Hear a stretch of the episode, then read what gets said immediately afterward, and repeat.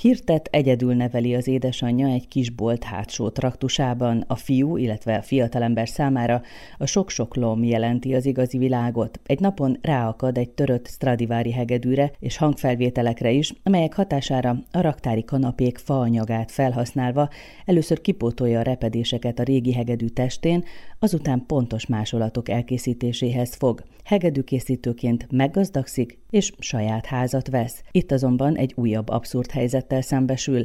Lesz egy állata, és ettől az állattól szinte sosem lehet megszabadulni. Az autista és a posta galamb, Rodán Algalidi különös regényéről beszélgetünk Horváth Balázsjal, a Tipotex kiadó főszerkesztőjével most. Arra kérem, próbálja először is elmagyarázni, mi adja ennek a regénynek az egyediségét, ugyanis a szereplők, a helyzetek, a történet hangulata is egészen szokatlan.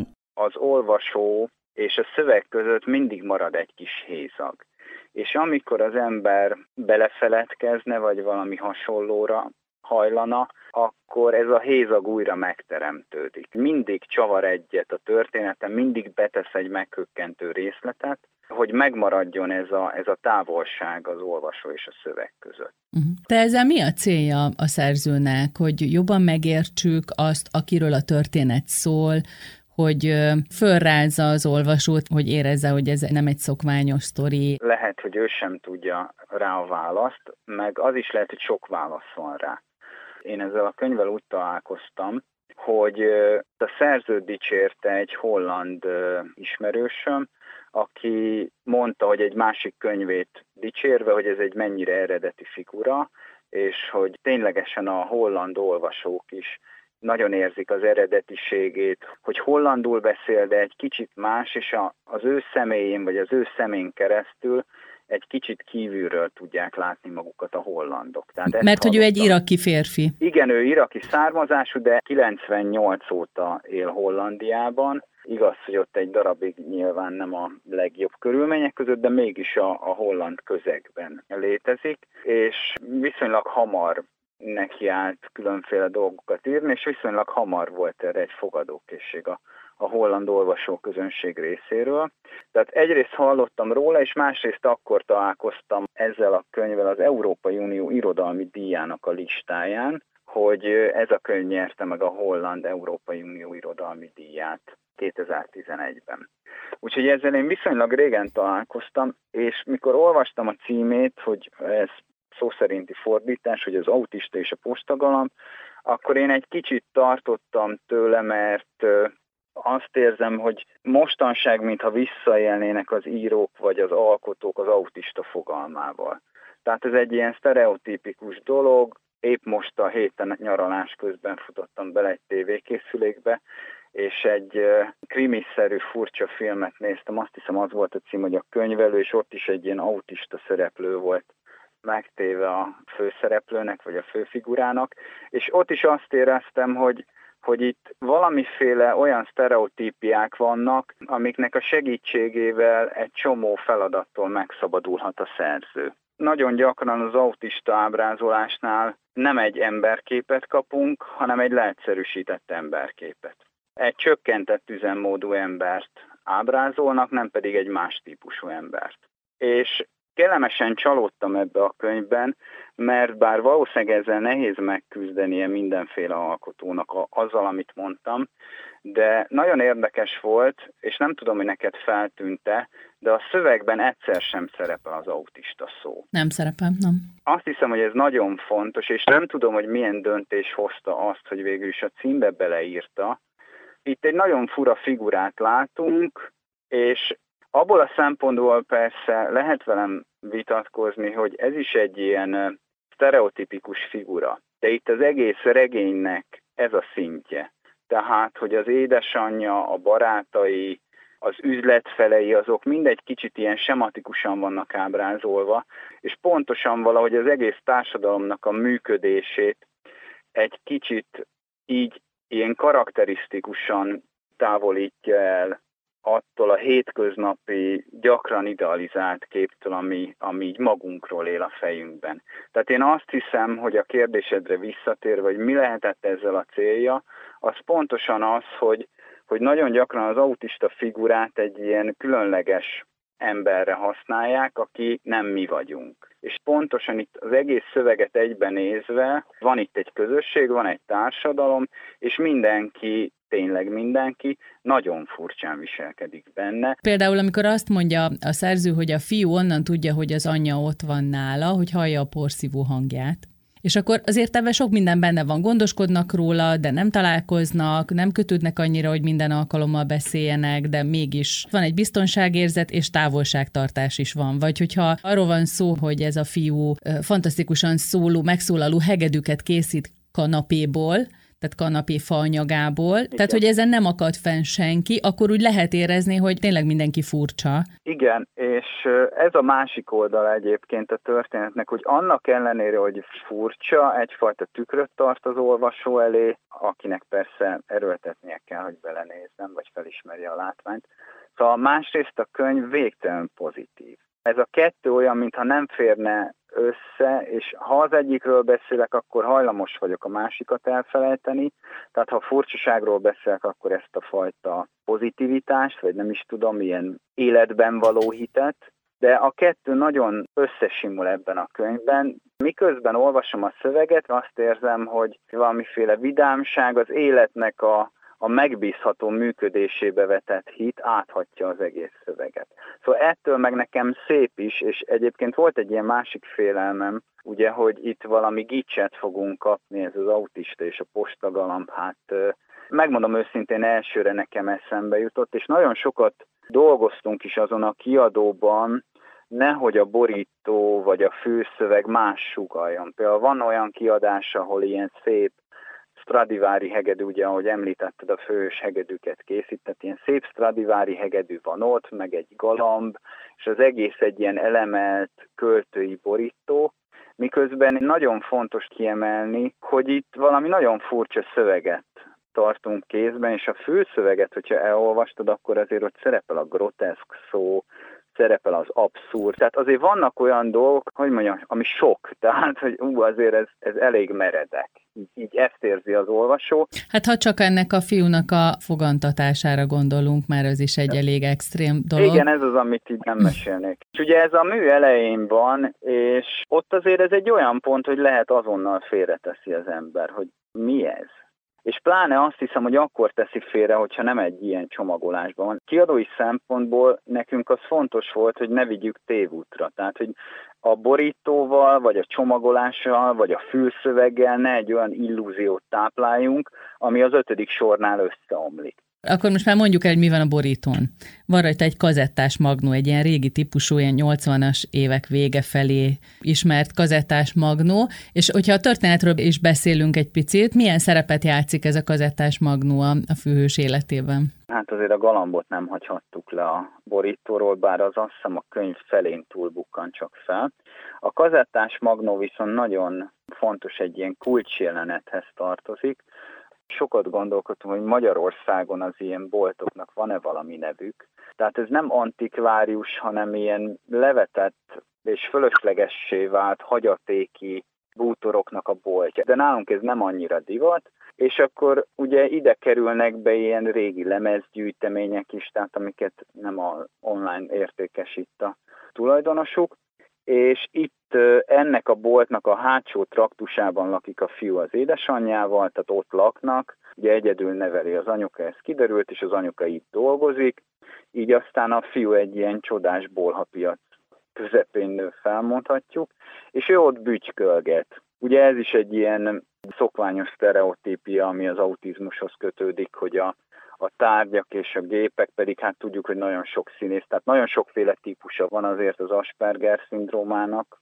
és hát vannak nagyon híres színészek, előadóművészek, tehát nem feltétlenül csak ilyen technikai típusú, jó képességű vagy különleges képességű autisták vannak, de ez egy ilyen sztereotípia, hogy ő elbügykölget, nagyon jól megérti a, a gépek mechanikáját, és nagyon ügyes kezű valaki, és tényleg mivel egy ilyen környezetben nő fel, ahol tulajdonképpen a bekerülő bútoroknak és tárgyaknak különösebb értékük nincsen, tehát szabadon hozzányúlhat, ezért ő ott így garázdálkodik, építget, játszik, különféle dolgokat konstruál, és ott akad rá erre a kazettás magnóra, amiben egy csodálatos zenemű csendül fel, és akkor ez őt megérinti, ez őt inspirálni kezdi. Tehát ez valamiféle pluszt jelent a, az életében, valamiféle, nem is tudom, ténylegesen egy magasabb szintre emeli őt.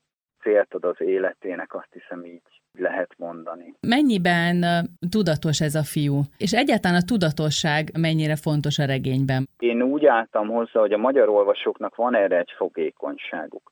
Viszonylag sok irodalmat ismerek, de az, hogy egy őrkénynek valamelyik irodalomtörténetben kitüntetett szerepe legyen, az egy magyar unikum. Tehát a groteszkre ilyen realisztikus, hétköznapi szinte újságírói módon vevőközönség van, és tulajdonképpen még Rejtő Jenőnek ez a tényleg nagyon gyakran ilyen groteszk, meg abszurd humorára is vevőképesség van, és mind a kettő persze más regiszter, de hogy, hogy ezek így nálunk mennek. Szóval itt abszurd helyzetek vannak, de szerintem a groteszka jó szó. Tehát itt nem arról van szó, hogy egy realista ábrázolás van, nem arról van szó, hogy egy lélektani regényt olvasunk, hanem mi történik a groteszk leírásokban, azok nagyon gyakran egyes szám harmadik személyek, tehát van egy ilyen külső szemlélő, nem egy belső lelki monológot kapunk, tehát igazából mi mindig egy külső nézőpontot képviselünk. Azt hiszem, hogy ez a groteszknél egy kulcsfontosságú. Szóval, hogy, hogy ez mindig egy ilyen külső ábrázolás, és mindig furcsa helyzeteknek a külsődleges ábrázolásán alapszik. Ez az, amikor csetlenek, botlanak előttünk a színészek, vagy a figurák, és mi vagy röhögünk, vagy ma azt mondjuk, hogy úristen, ez már hogy mondjam, ez amikor már nekem fáj. Tehát ez a cringe, hogy úristen, ezt most ne hát én ilyet biztos nem csinálnék. Tehát, hogy bizonyos kérdéseket azt hiszem a groteszk ábrázolás móddal szemben nem lehet megválaszolni, megfogalmazni, meg feltenni persze lehet, de maga a tudatosság a groteszknél egy ilyen nagyon fura helyzet, mert ott mindig váratlan dolgok történnek, olyan váratlanok, amiket így együtt legalábbis nem tudunk elképzelni. De közben meg persze semmi különös nem történik, tehát tényleg, ha őrkényről beszélünk, akkor a telefonfülke temetés, tehát nagyon hétköznapi helyszínek és tárgyak reagálnak, vagy alakulnak nagyon furcsa módon. Tehát itt se történik úgy ebből a szempontból semmi különös. Van egy fiatal lány, aki hát elég sajátos módon ilyen technikai, mesterséges megtermékenyítéssel, vagy nem szándékolt mesterséges megtermékenyítéssel teherbe esik, egyedül neveli a gyerekét, valahogy talál egy helyet, ahol ő tud dolgozni. Szóval úgy, úgy megy előre az élet, és mindig történnek bizonyos dolgok, és nyilván egy gyerek az nem feltétlenül úgy tudatos, és a tudatosságnak is sok síkja van. Tehát azért mondom, azt hiszem, hogy amikor ő meghallja, a főszereplő meghallja ezt a zenét, akkor pontosan tudatosabbá válik, akkor rátalál arra, hogy, hogy mi az, ami őt meg tudja mozdítani, és mi az, amihez ő vonzódik, vagy mi az, ami kicsit több nála. És ennyi tudatosság van benne, hogy nem véletlenül kezdi tanulmányozni a hegedűt, ugye egy törött hegedű kerül a főhősünk kezébe, és azt próbálja megjavítani, mert úgy gondolja, hogyha egy hangszerrel ilyen gyönyörűséget lehet előállítani, akkor neki azzal érdemes foglalkozni, és azért mondom itt a mechanikusságnak, vagy a tárgyak megjavításának a kérdése is egy magasabb szintű dologgá válik, mert ugye maga a Stradivári hegedű egy enigma mindenki számára, úgy értem a világ számára is, hogy mindenféle elméletek vannak a kémiai anyagoktól elkezdve egészen odáig, hogy abban az időszakban, mivel hidegebbek voltak a telek, sokkal nem is tudom, lassabban nőttek a fák, és egyszerűen sűrűbb volt a fák anyaga a Stradivári időszakában, és ezért sikerült jobb hegedűket csinálni. Tehát maga a hegedű, hogy az mitől szól szebben, hogy a lelkünk mitől rezonál rá, pedig az egy tárgy, ugye, erre sokféle elmélet van, és hogy mi ennek a technikai alapja, tulajdonképpen ezzel elkezd foglalkozni ez a főhős, és onnantól kezdve itt van egy fontos terület, amin ő tudatosan halad előre, és bizonyos elveket követ, például ugye azt, hogy a galambal is valahogy foglalkozni kell, és hogy a tulajdont úgymond vissza kéne szolgáltatni, mert Tehát, folyton eladja, elkezd... vagyis elajándékozza tulajdonképpen a galambot. Igen, igen, és ugye ez egy postagalamb, ami, tehát amikor ő elköltözik ugye otthonról, hogy mondtad, akkor ott az új házzal együtt kap egy postagalambot, aminek ez az otthona, tehát mindig oda tér vissza. És nyilván neki nincs tapasztalat a postagalamba, és mikor így elviszi különféle helyekre, akkor nyilván a postagalamb előbb-utóbb mindig hazatér hozzá. És akkor ő ezt azért többé-kevésbé ilyen fáradhatatlanul teszi, de azért egy idő után úgy tűnik, hogy nem hülye ő, tehát tudja, hogy vissza fog jönni hozzá a postagalamb. Tehát csinál neki helyet. Talán azt is tudja, hogy, vagy legalábbis én azt éreztem, hogy ahogyan a zene őt munkára készteti, valamit elindít benne, ez a postagalam pedig új impulzusokat hoz neki, mert mindig jön valaki, aki visszahozza, mindig van egy ember, akit egyre beljebb enged az életébe, mert ugye ő, ő elég zárkózott, és Igen. nem nagyon szereti, a hozzászólnak, ha kérnek tőle valamit, még ha egy kávét kérnek az ajtóban, azt se nagyon szereti, és hát ez a postagalam mindig hoz egy újabb beengedni való dolgot az életébe. Igen, szóval nyugodtan mondhatjuk, hogy van itt egy tudatosság, egy önszabályozás, hogy a fős a saját határait meghúzza, és ahogy haladunk előre a regénybe, ezek a határok egyre nagyobb területet fognak be.